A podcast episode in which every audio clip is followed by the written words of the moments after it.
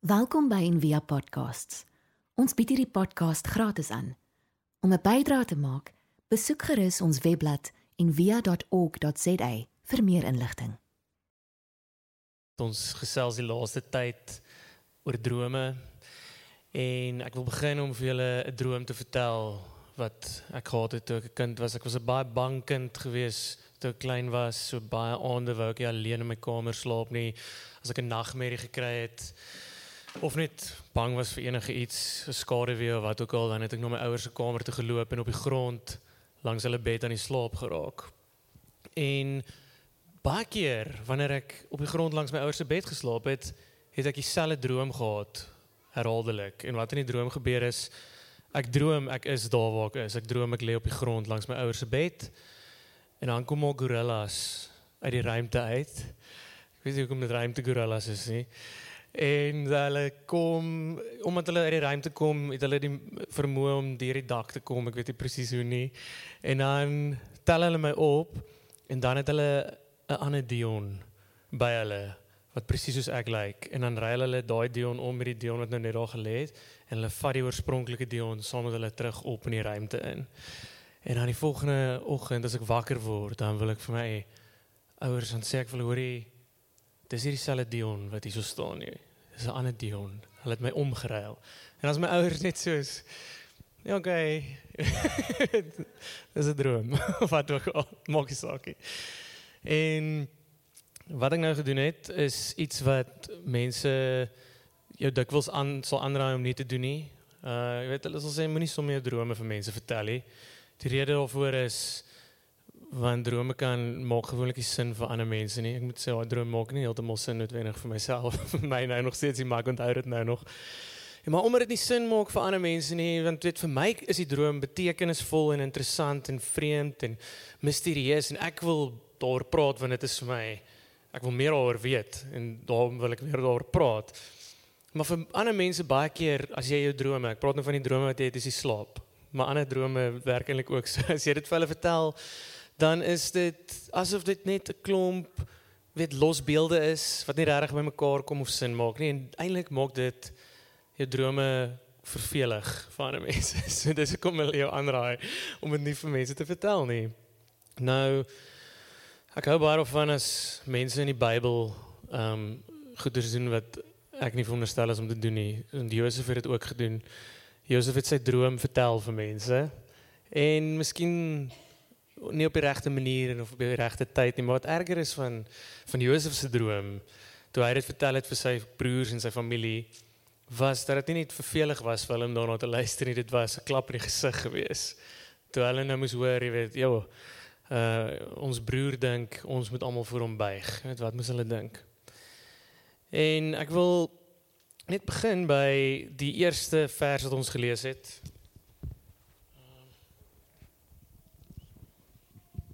En 'n so onopvallende vers, Genesis 37 vers 2 wat sê hier net die eerste sinnetjie sê hier volg die familiegeskiedenis van Jakob.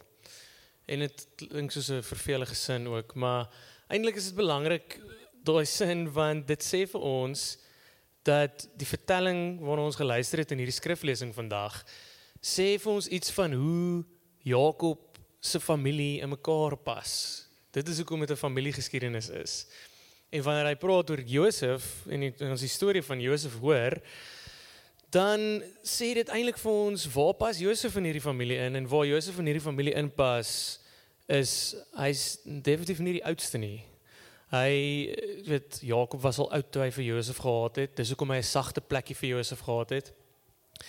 En die eersgeborenes uh, was daai tyd verskriklik belangrik geweest. En hier kom hierdie hierdie laat lammetjie of hierdie ouetjie wat lank lank terug ag ag wat lank lank terug wat definitief nie die die oudste in die familie is en hy het hierdie drome waar almal voor hom buig.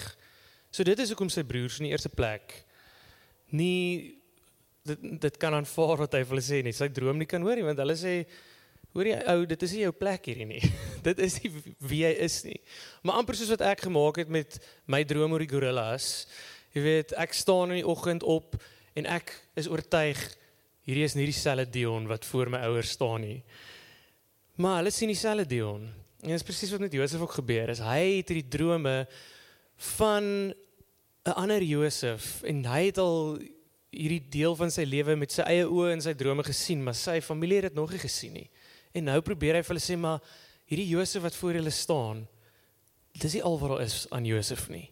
Daar's meer aan hom. Maar hoe kan hulle dit sien? Hulle kan dit nog nie insien nie. En dit is hoekom dit dan dalk nie die wysste ding is om vir hom sy drome sommer net so vinnig te vertel nie. En ek dink die manier hoe hy sy drome vertel vir sy familie, daar's vir my wanneer ek dink aan hoe ek my eie drome dikwels probeer deel met ander mense, dan is dit asof ek eintlik probeer om my drome waar te maak. Ek dink, "Ag, oh, ek het nou 'n groot droom gehad. Ek gaan dit waar maak of op 'n ander manier om dit te stel is, weet ek vertel dit vir ander mense want ek soek bevestiging by hulle. Ek wil hê hulle moet vir my sê, "O oh ja, ons sien ook wat jy sien." Ja, dit is hier dieselfde deel nie. Jy gaan verander, jy gaan groot dinge doen of wat ook al. En ek dink dit die eintlike wysheid is om miskien eerder nie my drome te probeer waar maak by ander mense deur dit te vertel nie, maar om eerder eers te leer om my drome te bewaar. Om dit eers miskien te koester, ons om eers my drome, dit is die kuns om die drome eers na in myself te hou voordat ek dit sommer net vir almal uitblaker en vertel. Ek meen as ons sien nou wat op die ouene gebeur met Josef in ehm um, vers 19 dan is daai sinnetjie waar hulle hom so sien aankom wanneer hulle nou die klein vee oppas en dan sê hulle kyk daar kom jou dromer aan. Kom ons maak hom dood en gooi hom in 'n put.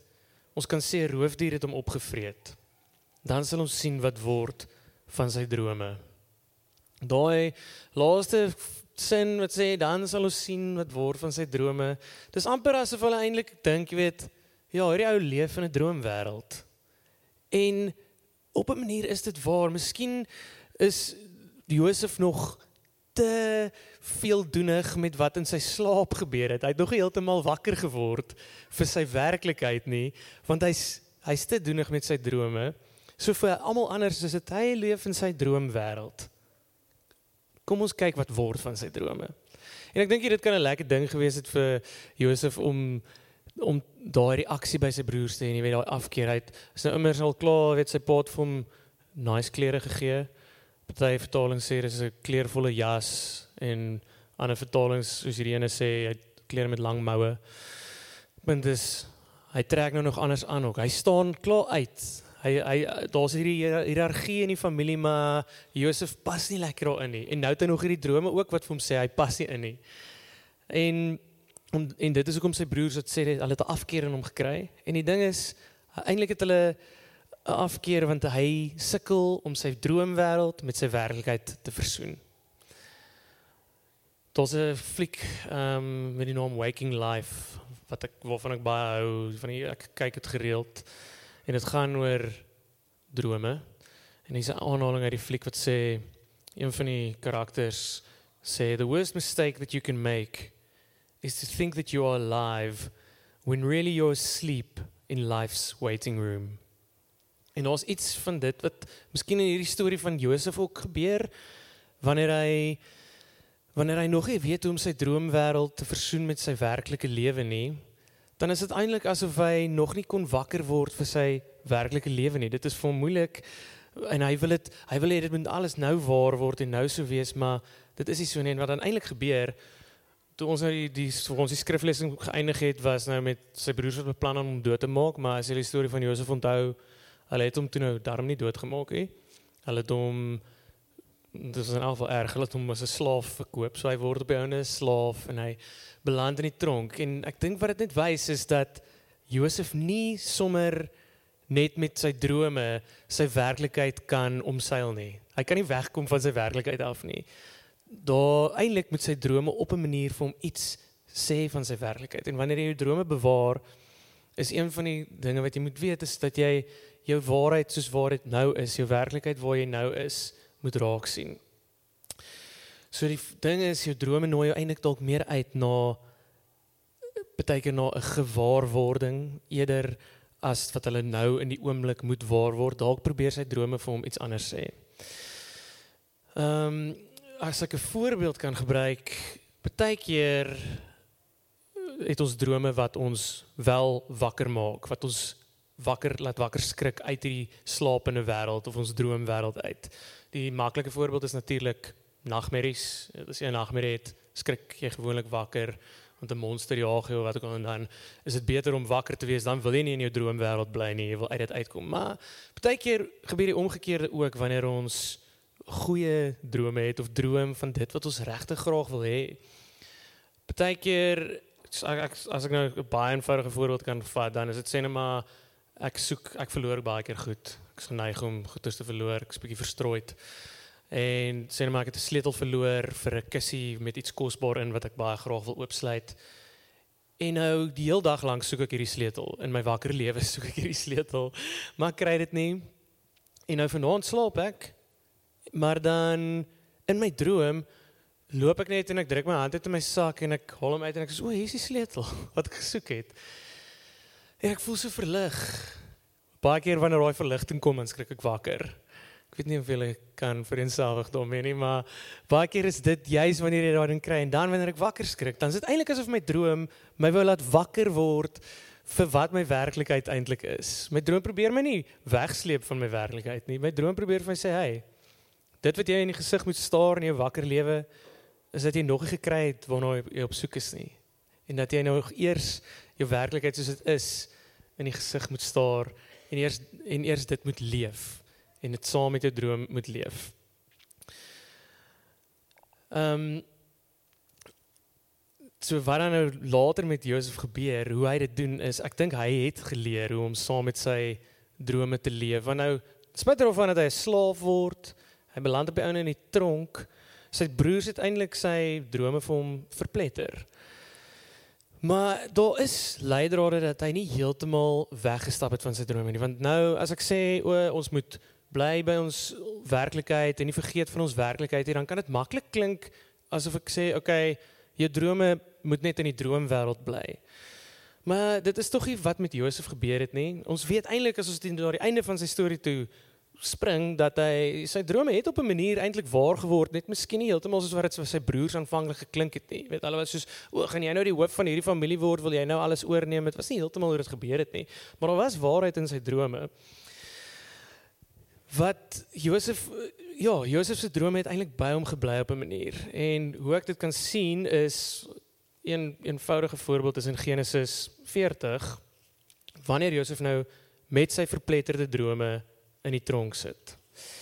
Ehm um, en hy's vasgevang daar, dan kom die skinker in die bakker na hom en dan in Genesis 40 vers 8 dan kom hulle na hom toe en sê ons het elkeen 'n droom gehad en ons weet nie wat dit beteken nie.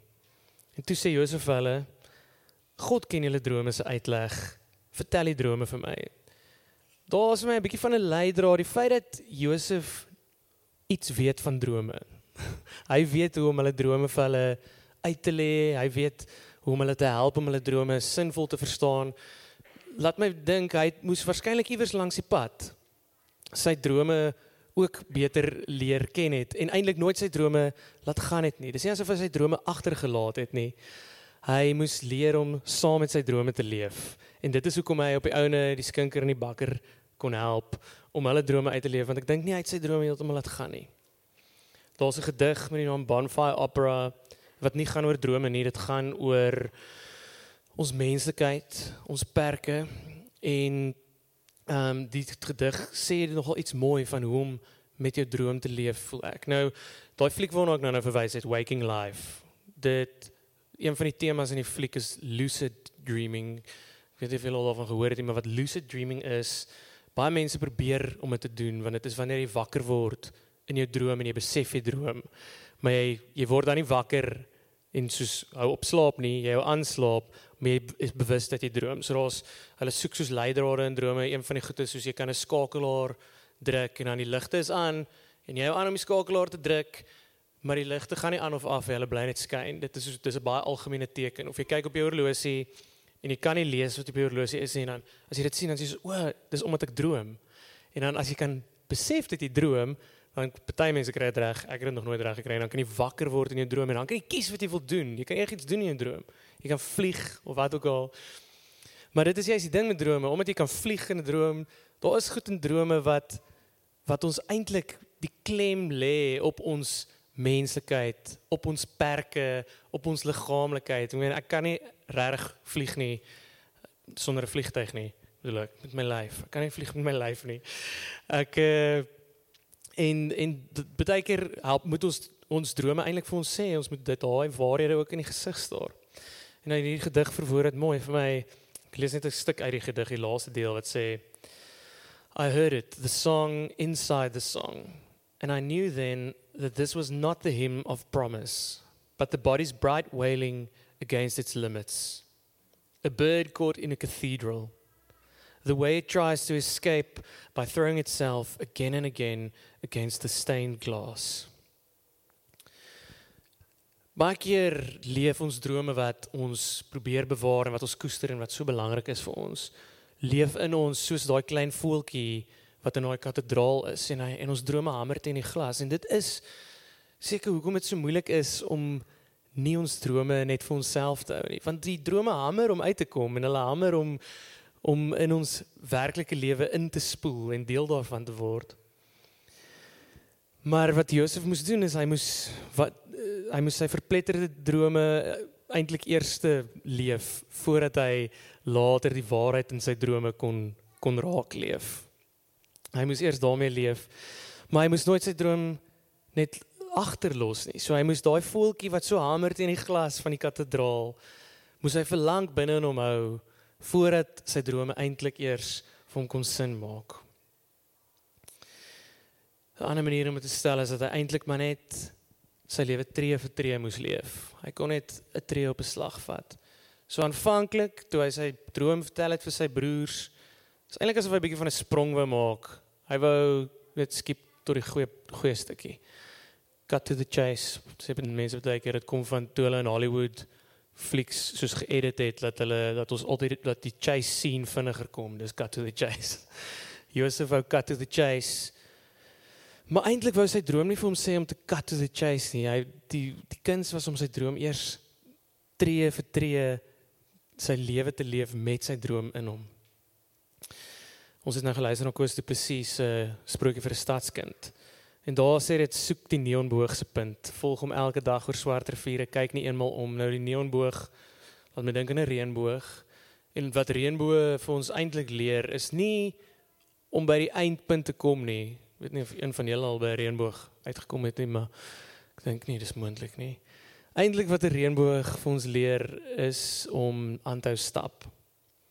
En dit is dikwels wat ons by ons drome ook moet uitvind. Dis hoe om net nog die volgende tree te gee. Hoe om net nog aan te stap om voor te stap. Daar's 'n mooi frase van 'n ou ou boek wat in uit Rusland uitkom. Die boek se naam is The Pilgrim Continues His Way. Om te onthou om op jou weg aan te hou, op jou weg voor te stap. Maar met jou droom binne in jou en met jou droom wat saam met jou leef. Ek dink uh, ook weer eens in daai stukkie in, in Genesis 40 waar ehm um, waar Josef vir die skinker in die bakker sê vir Genesis 40 vers 8 ons ehm um, God ken julle drome se uitleg. Vertel die drome vir my skielik hy is die een wat sy drome dalk te gou vertel het en nou kan mense sy drome mense hulle drome vir hom vertel en hy kan sin maak daarvan. Hy hy kon nie sin maak van sy drome nie, maar nou kan hy sin maak van drome en ander se drome. Maar hoe maak hy sin daarvan? Hy sê God ken julle drome se uitleg. So as ons drome in ons het wat leef wat wat hamer om uit te kom met wie daai drome te doen. Ja, dit het iets met my te doen en miskien met die Dion wat ek nog nie is nie. Maar dit het ook iets met God te doen. So as ons wonder oor ons drome en baie keer stoei met ons drome want ons kan nie sien hoe dit nou gaan sin maak of hoe dit gaan waar word nie en ons wil dit eintlik net krampagtig nou waar maak dan is dit eintlik goed om te onthou dat God die een is wat ons drome ken en wat die uitleg van ons drome ken en om ook om te onthou ons kan vir God ontmoet met ons drome en waar ons waar ons is met ons drome en dan so voortstap op ons weg. Ons hoop van harte jy het hierdie podcast geniet of raadsaam gevind. Besoek gerus en via.ok.za vir meer inligting.